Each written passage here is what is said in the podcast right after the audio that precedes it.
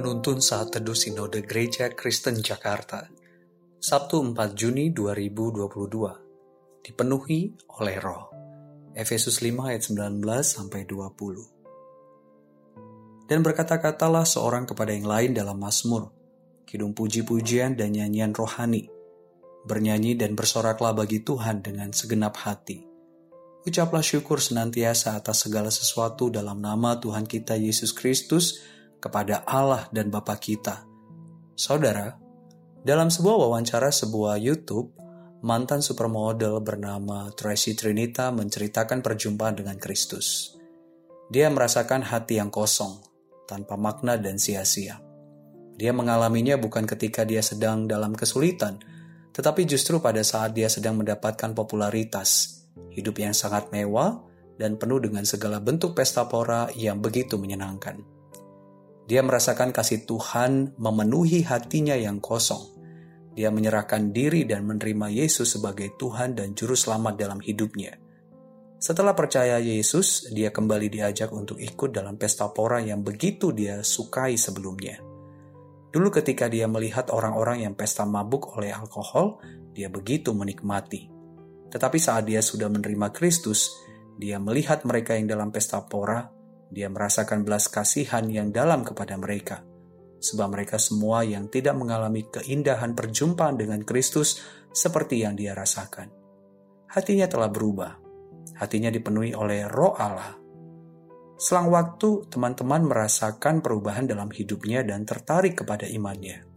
Kemudian, Tracy memberanikan diri mengajak teman-teman modelnya itu pergi ke gereja, dan ternyata banyak di antaranya yang akhirnya percaya Yesus.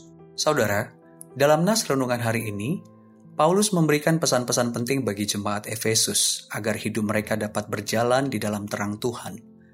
Paulus mendorong jemaat untuk mempergunakan waktu dengan arif dan berusaha mengerti kehendak Tuhan. Dan Paulus memberikan dua bentuk perintah kontras pada ayat ke-17 Janganlah mabuk oleh anggur yang menimbulkan hawa nafsu, tetapi hendaklah jemaat penuh dengan roh Allah. Kedua kontras ini adalah bentuk dari pemenuhan dalam diri seseorang. Seseorang hanya ada di bawah fakta, yaitu antara dipenuhi oleh hawa nafsu atau dipenuhi oleh roh. Artinya apa? Terkadang begitu banyak orang yang tidak sadar apa yang memenuhi kehidupannya. Banyak orang yang merasa dirinya berada setengah duniawi, setengah rohani. Padahal manusia selalu dipenuhi oleh sesuatu. Jika dipenuhi oleh pesta pora dan anggur, maka hidup muncul adalah sembarangan dan mudah tergoda untuk melakukan dosa. Tetapi jika dipenuhi oleh roh Allah, maka akan memandang cara hidup dunia sebagai kesia-siaan. Tetapi bukan sampai di sana saja. Sebab seseorang yang dipenuhi oleh roh tidak hanya mengalami perubahan dalam hati, dia mengalami kepenuhan hati untuk melayani Tuhan dengan melayani jiwa-jiwa. Hal ini terjadi juga kepada Petrus, Stefanus, dan murid-murid lain mereka penuh oleh roh. Mereka melayani dan memuliakan Tuhan. Saudaraku, ekspresi dari seseorang yang dipenuhi roh Tuhan adalah memuliakan dia dengan seluruh hidup ini. Pujian dan syukur akan nyata senantiasa dalam mulut dan hidup orang percaya. Bentuk syukur terbesar adalah melayani Tuhan dengan sepenuh hati. Hal ini yang ditunjukkan oleh Tracy yang tidak lagi mencintai dunia, justru ingin melayani dan mengubahkan dunia yang tercemar oleh dosa. Demikian juga dengan kita semua. Kita perlu mengoreksi apa yang memenuhi hati kita. Jika kita mengatakan kita dipenuhi oleh roh Allah, maka kita pasti akan sungguh-sungguh melayani dan menyatakan kebesarannya di tengah dunia. Kilauan dan gemerlap kesenangan dunia tidak boleh ada dalam hati kita.